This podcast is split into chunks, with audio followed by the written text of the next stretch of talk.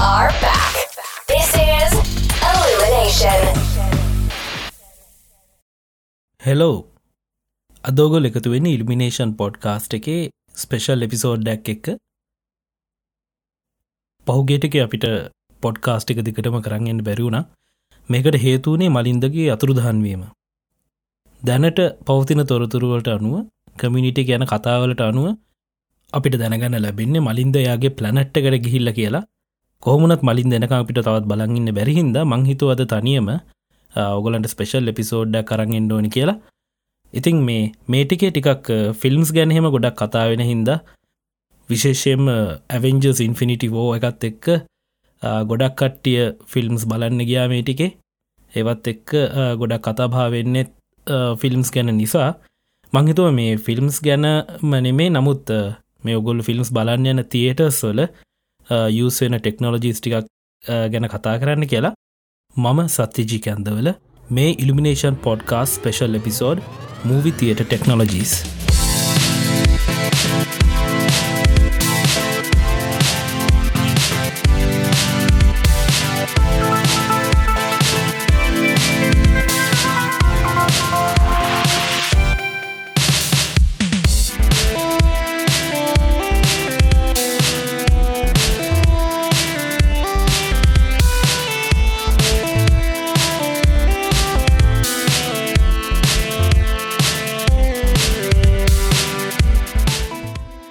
Movie theatres ගැන කතා කරනකොට අපිට ගොඩක්ම අහන්නුවෙන් ලැබෙන නමක් තමයි අයිමැක්ස් කියන එක. ලංකාවෙනං අයිමැක්ස් තියටස් තාම දැනට නැතිවුණාට ලෝක පුරා ගොඩක් රටවල්ල මේ අයිමැක්ස් තියටස් තියෙනවා. ඒවගේ කට්ටිය ෆිල්ම්ස් බලල ඇවිල්ලා ලොකුවට දාන ෆෙස්බුක් එකම දැකලැදි. මමත් ඒකට එක හවුල්කාරේ කොහමහරි බැලුවොත්තෙම අයිමැක්ස් කියන ටෙක්නෝලජික මොකක්ද කියලා. මේ අයිමැක්ස් කියන්නේ අයිමැක්ස් කෝපරේෂන් කැනඩියන් කම්පැන එක මේ අයිමැක්ස් කියන එක එන්නේ මේ නම එන්නේ අයිමැක්ස් කියන්නේ ඉමේජ් මැක්සිමම් කියන නමින් තමයි අයිමැක්ස් කියලා කෙටියට මේක හඳුන්නන්නේ මේක මුලිම පටන්ගන්න එක්දස් නමසේ හැට නමේ ඇත්තරම ඒ කාලේ අයිමැක්ස් යස් වෙන්න ෆිල්ම් පෙන්න්න නෙමේ නමුත් මේ ඩොකිමෙන්ට්‍රිස් පෙන්න්න තින් ගොඩක් අයි දන්න ඇති සාමාන්‍ය ෆිල්ම්සල සාමාන්‍ය ෆිල්ම් ෂූට් කරන්නේ 35 මිලිමීට කියන ස්ටෑන්ඩඩ් එකින්. නමුත් මේ අයිමක්සල් විශේෂත්වය තමයි මේක 70 මිලිම ස්ටෑන්ඩඩ් එකෙන් තම ෂූට් කරන්නේ. එතකොට මේ මේකට බලපානවා මේ ටෙක්නොලජියක හැදෙන්නේ යස් කරන කැමරායක පෝස් පඩක්ෂන් කරන එන්වාරමෙන්ට් එක යස් කරන ටෙක්නොලජීස් සහ අවසානයේද මේක ඩිලිව කරන සිනමායකතින් ටෙක්නොලජීස් ඔක්කොම එකතු කරල තමයි එක එක ලොකු ටෙක්නෝජයගත් තමයි මේ අයිමක්ස් කියන එකෙන් හඳුන්න්නේ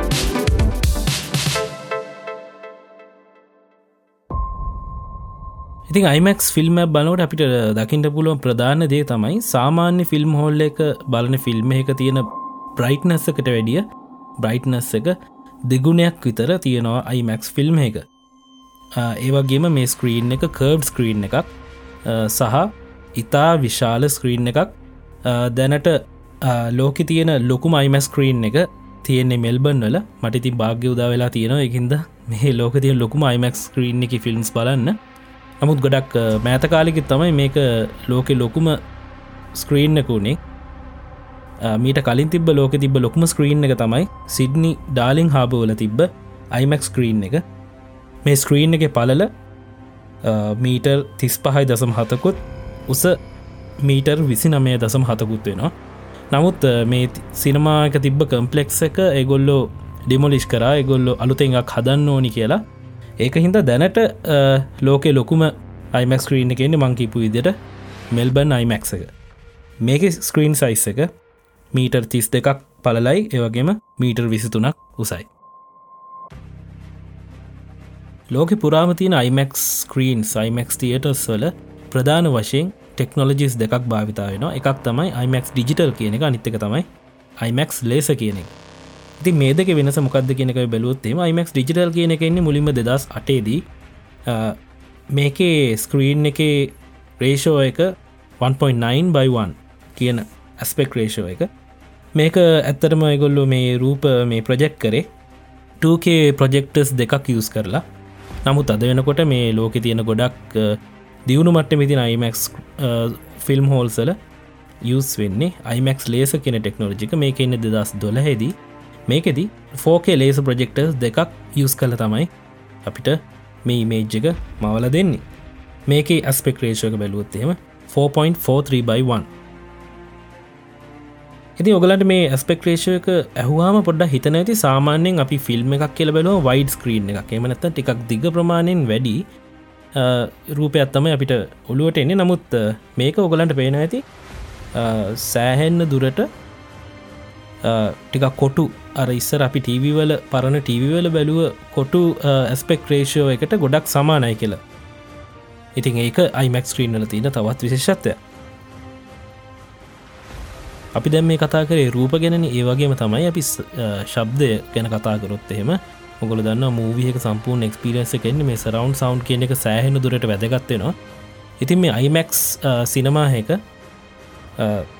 අපි සාමාන්‍යෙන් දන්නවා 5.1 එකන් 6 චැනල් සරවන්් සිිස්ටම් එතකොට 8 චැනල් ඔය වගේ සරවන්් සිිස්ටම්ස් තියන නමුත් uh, මේ නවීනතම අයිමක් සිනමාහක පාවිච්චි වෙන්නේ 12 චැනල් සරවන්් සිිස්ටම් එක. මේ සරවන්් සිිස්ටම් ගැන කතාරන්ගව තවත් විශේෂයක් තියෙන මොකද සාමාන්‍ය තියටහකට වැඩිය uh, මේ තියෙන ස්පීකස් ටිකක් ලොකුවට හදනවා.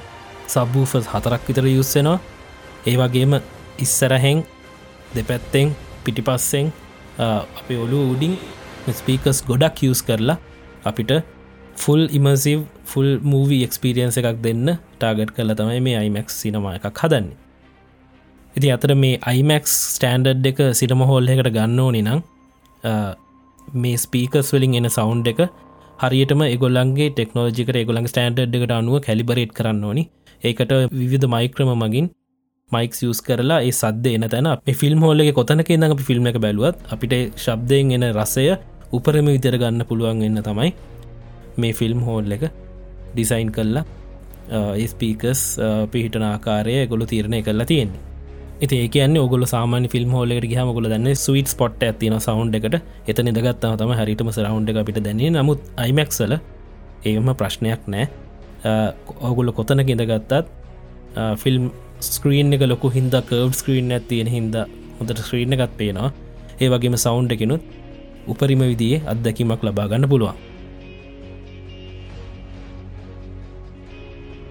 ඉටපස බැලුවත්තම මේ අයිමැක්සල ටිකක් ගාන වැඩි අනිත්තයවටඩි දැන් මේ ඔස්ට්‍රේලියාවෙනං සාමාන්‍යින් ෆිල්ම් එකක් අපි බලන්න ගියොත්තෙම සාමාන ටිකට්ට එකක් ඩොල දහයේ ඉඳං ඩොල විස්ස විසි පහ වෙන සීමා වෙනකං ඒ අතර ප්‍රමාණවල තියෙන එක ෆිල්ම් සහයකෙකු ෆිල්ම් හෝල්ල ඉතිං අයිමක් එක මීටිටියක් ගණන්. ඇතරම අයිමක් ටිකට් එකක් ඩොල තිස් පහක් විතර වෙනවා.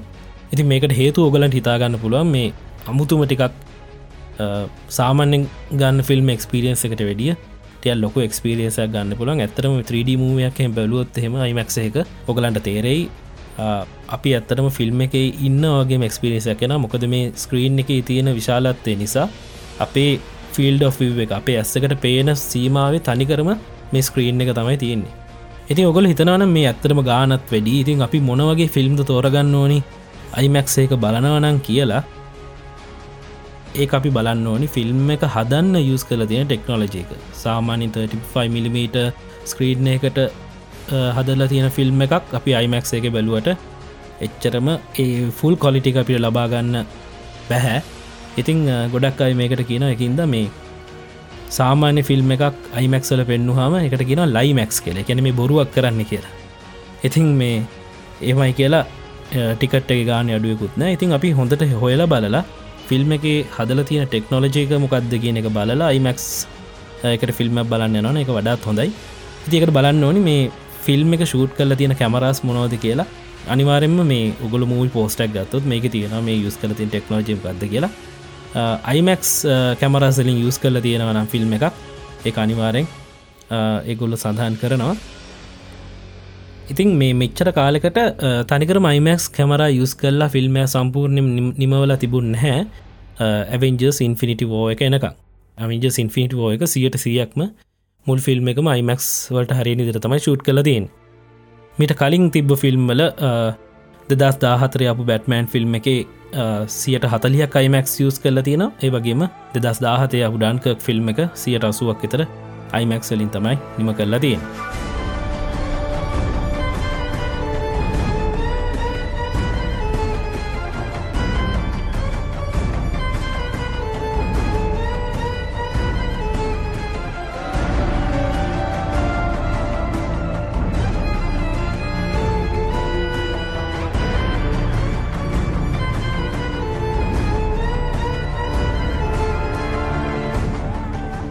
වර්තමානදී අයිමැක්ස් කියන ටෙක්නෝලජිකට අමතරව ගොඩක් අහන්න ලැබෙන එක තමයි මේ 4DX කියන 4DX සිනමා කියන ටෙක්නෝලජීක මේක ඇත්තටම අයිමැක්සලින් සෑහෙන්න වෙනස්. මේක මුලිම මේ මේ 4DX කියන ටෙක්නෝලජික පටන්ගන්නේ සෞත් කොරියන් සිනමා චේන් එකක් දෙදස් නමේදී මුලින්ම මේ ගොල්ල මේ ටෙක්නෝලජිකින් පෙන්න්න ෆිල්ම් එක තමයි ඇවට ජේම්ස් කැමරන් අධ්‍යක්ෂණය කරපු.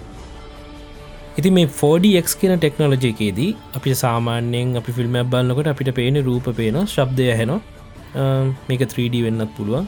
ඒ ටෙක්නෝජිසුත් තියෙන නමුත් ඊට අමතරව මේක තියෙන විශේෂත්වයක්. එක තමයි මේ ඇත්මොස්ෆියරික් ඉෆෙක්ස් කියනේවා මේකට මේ ගොල්ලෝ වතුර මීදුම සුළඟ තකොට මේ ගඳ සුවද ස්ට්‍රෝබ් ලයිට් ඉෆෙක්ස් ඇවගේම සබම්බෝල මේ වගේ දේවල් ලියස් කරලා ගොඩක් අපිට දැනෙන සාමාන්‍ය අපිට පේන රූපයෙන් ශබ්දයෙන් එහා ගිය වෙනම එක්ස්පිරියන්ස එකක් දෙන්න තමයි මේ ටෙක්නොලජික නිපදවල තියෙන්නේ.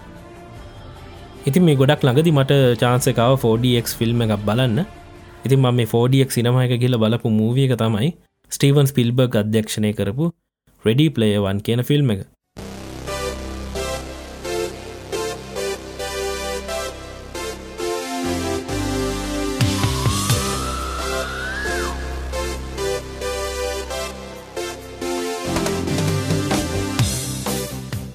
රෙඩි ප්ලය වන් කියන්නේ ඇතරම පොතක්. මේ පොත දස් දොල්ලහයි ධාතුනේ වගේ අපපු පොතක්. මම මේ කියවල තිබ ඉතින් මේ ඇතර මේ කතාරම පිස්සු ඇටල හිටියේ. ඉතින් ෆිල්ම් කෙනවා කිව්වම මම් බැලුවා මේකනම් ෆුල් එක්ස්පිරෙන්සක් ගන්න ඕනි ෆිල්ම් එකක්. අනිවාරයෙන්ම හොඳ ෆිල්ම් එකක්. ඒක නිසා මංකරේ හොල බලන්නකට මේක 4ඩක්සල තිබ්බ. ඉතින් මේ ෆිල්ම්ක පාදක වෙන්නේ වර්චුවල් රියලිටික නිසා මට හිතුණ අනිවාරෙන් මේක 4ඩක් එක බලන එක ගොඩක් වැදගත්වය කියලා. ඉතින් මංගිහිම් බැලුව ඇත්තටම සෑහෙන් හොඳ එක්ස්පිරියන්සයක් ගත්තා. පෝඩි එක්සේක බලන්නකොට අපි සාමාන්‍ය ෆිල්ම් බලන්නට වැඩිය අර අයිමැක්සේක බලන්නටත් වැඩිය අපි ෆිල්ම් ගත්ත එක එන්ගේ ජෙන මොකද මේ ෆිල්ම් එක තියන කැමර ඇංගල්සල් හැටියට කැමරක පෑන්නෙන විදිියනු අපි මේ ඉදන් ඉන්න සීට් ඔක්කොම පෑන්නෙනවා දෙ පැත්තට පැත්දෙනවා ඉස්සර පස්සට යනවා. එතකොට ෆිල්ම් එක එක්ස්පලෝෂන් නැක්කෙනවනම් නැත්ත අපි වාහනයක් ඇතුළ යනවාගේ Uh, සීන් එකක් තියෙනවනම් ඒක වාහන දෙදරනකොට ෆිල්ම් සීටස් වයිබ්‍රේට් වෙනවා. මේ වගේ ගොඩක් ඉෆෙක්ස් තියෙන ඊට අමතරව වහිනකොට රේන් ඉෆෙක්ස් uh, එතකොට දුමක් එනවනං එ ෆොග් ෆෙක්ස්ලිං නිසරක මීදුම. මේවා uh, ෆිල්ම් හෝල්ල එක ඇතුළටම ඒගොල්ලො දාලා ලොක එක්ස්පිරියන්ස ලබල දෙනවා. එතනින්ගේ හාම එක්ස්පලෝෂන්න කෙනකොට එලිය අර ස්ට්‍රෝබ් ෆෙක්ස්ලින් ෆලස්් ලයිට්ස් කහලා ඒක වැඩි දුර වැඩි දියුණු කරලා දෙනවා අපිට. ඒවගේ මක්ස්පලෝෂන් එක තියන සෞන්්ඩ කර ඇඟට වදිනකොට එන බින්් එක ඒක අපිට මේ ඇත්තටම වදිනවා. ඉතින් මේ මේ වගේ ගොඩක් ඉෆෙක්ස් වලින් සෑහෙන්න හොඳ එක්ස්පිරියන්ස ලබල දෙන හැබැයි ම එක රකමෙන්ට කරන්න හැම ෆිල්ම් එකකටම.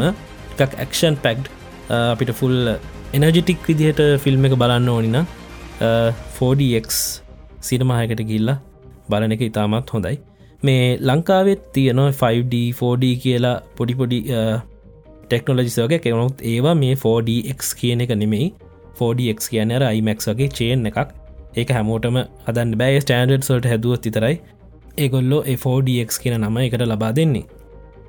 හැබ මොනවන දැන් අපි ඉස ලයිමක් කන කතා කරනුවට අපි දැනගත්ත මේ අයිමක් හරියට මයිමක් ෆිල්ම්මක් වෙන මේ අයිමක් ටෙක්නෝජි යස් කල ෂූට් කරන්න තෝනි කියලා. නමුත් අද වෙනකං 4DX ටෙක්නෝලජිකක් යස් කරලා ෆිල්ම් එකක් ෂූට් කරලා නැහැ. මේ ඔයි පෝස් ප්‍රඩක්ෂන් වලදී. එම නැත්තං මේක මේ 4DX සිනමායකට මාස්ට කරද්දි තමයි එගොල්ල වෙනම uh, පෝග්‍රම් කරනවා. ඒ තියෙන ෆෝඩි සිනමායක තියෙන ඉක්විප්මන්ට ඒ ෆිල්ම් එක ඒ තැන්වලදි අදාළ විදිහට ඒ ෆෙක්ස් uh, ලබා දෙන විදියට එගොල්ල වෙනම පෝග්‍රම් කිරීමත් තමයි කරන්නේ.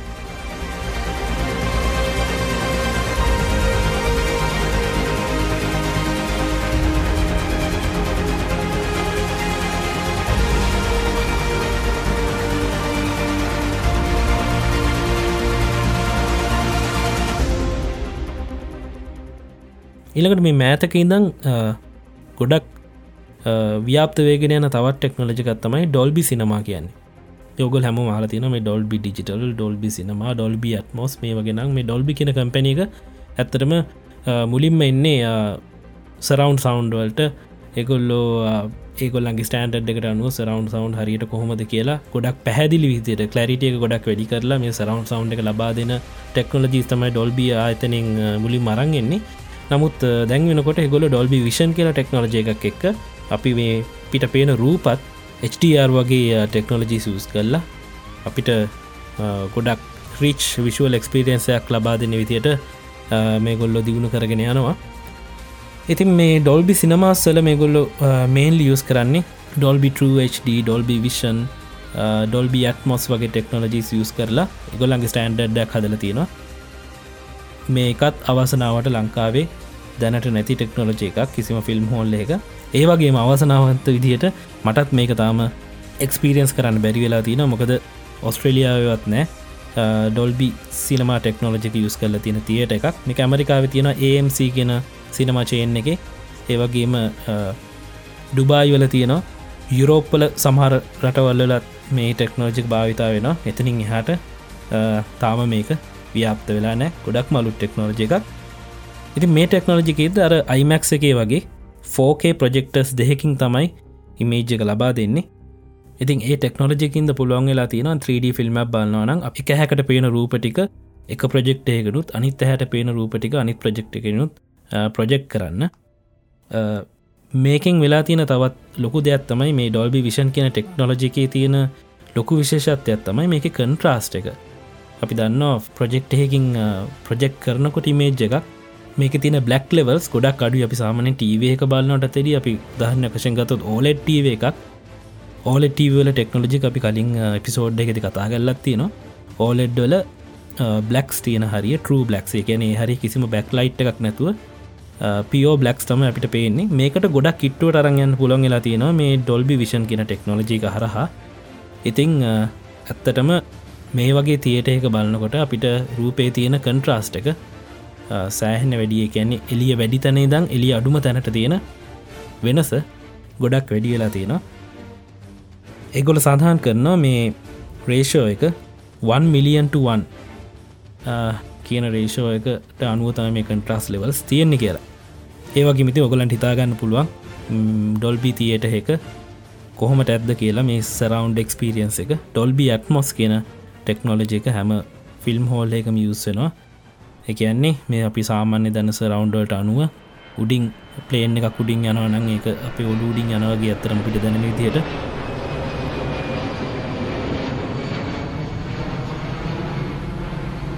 ගොඩක් හොඳට මේ කැලිබරේට් කරලා මේ තියෙන රූපෙත් එක්ක අපි දකිින් පික්ෂ එකත් එක් ගොඩක් හොඳට කැලිබරේට් කරලා ගොඩක් හොඳ සෞන්් එක්ස්පිරියන්සයකුත් ලබා දෙනවා ඩොල්බි තියටස් වල.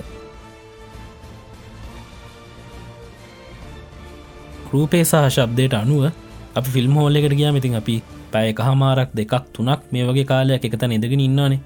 ඉතිං ඒකට හොඳ සීටස් තියෙන්න්නත් ඕනි.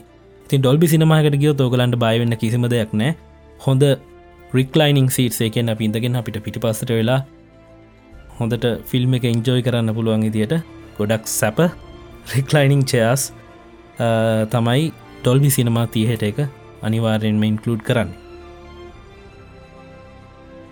ති මේ මෙච්චර හොඳ එක්ස්පිරෙන්ස අපිට ගන්න පුළුවන් වුණට අරමං මුලින් කතා කරපු අයිමක් ස්ක්‍රීන් එක තරම් මේ ස්ක්‍රීන්සන් ලොකු නෑ. මේ තියටස් වල සයිස්ස එක අනුව ස්ක්‍රීන් එක සයිස් එකත් අඩු වැඩි වෙනවා.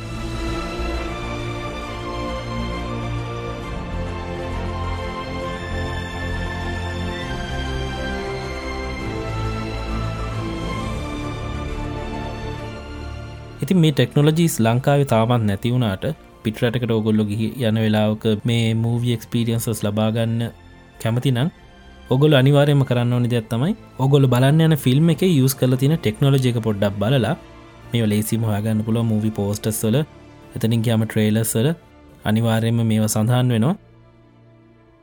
ඉතින් ඒ ටෙක්නෝජිකම් කක්ද කියල බලලා ඒ ටෙක්නෝජික යුසන සිරමහයකටමගේ ලෝගලන්ට මේක බලන්න පුළුවන්නම් ඒ ෆිල්ම් එකේ තියෙන උපරිම වින්දනය ලබාගන්න පුළුවන්ගෙනවා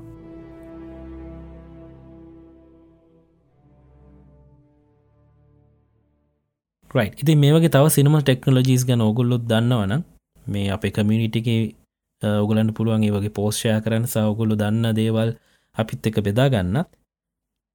හැමෝගෙම සමාවිල්ලනවා මේටික අපිට පොඩ්කාස්ට එක අරංඉන්න බැරිවුණෙක් ගැන. ඉදිරියේදී අපි දිගටම මලින්දත් මාත් මේක දිගටම කරන්න යන්න බලාපොරොත්තු වෙනවා. ඒ වගේම කියන්න ඕනි පොඩ්කාස් දැන් ගොඩක් තියනව ලංකාව. පිහම එපිසෝඩ් එකමගේ මේ ගැන කිව දැන් දී මහිතන පොඩ්කාස්ට කොලක් තර තියෙනවා. ඉතින් ඔගලන්ට පුළුවන් මේ පොඩ්කාස්ටික ඔක්කොම දැනගන්න සහ ඒවාහන්න දැන් ලේසි විදියක් කරලා තියෙනවා. අපේ මල්ෂාන් නවෝද්‍ය සොහයුරා ලොකු දෙයක් කරලා තියෙනවා. මෙයා වෙබ්සයිට්ටක් හැදවා. මේ ඔක්කොම පොඩ්කාස්ට් එක එකතු කරලා එක තැනකට ගිල්ලා කට්ටිට ලේසියෙන් අහන්න පුළුවන් තියට මේක තමයි podcasts.lk ඇති ඔගොල්ලොක් මේ පොඩ්කාස්.lk URලේරකි ලෝගලට පුළුවන්. මේ පොඩ්කාස්ටික ඔක්කොම එක තැනකින් අහල බලන්න. ඒවට ගහම අපේ අනිත්ලිින් සවාගන්නත් පුළුවන්. කමිනිිටස්වල එතකොට පොඩ්කාස්ටෙන් පොඩ්කාස්ටකට වෙන්නූ වෙබ්සයිට් සල මේලිින් සම එකක්ම ඔගලන්ට ලීසිම් හොයාගන්න පුළුවන්. පොඩ්කාස්ට එකතනින් දඟ හන්නත් පුළුවන්. ඉතිං මල්ෂාන් වාට ශවටවට් ඇත් දෙෙනවා. තැංකි වෙරි මච් මේ වැඩේට.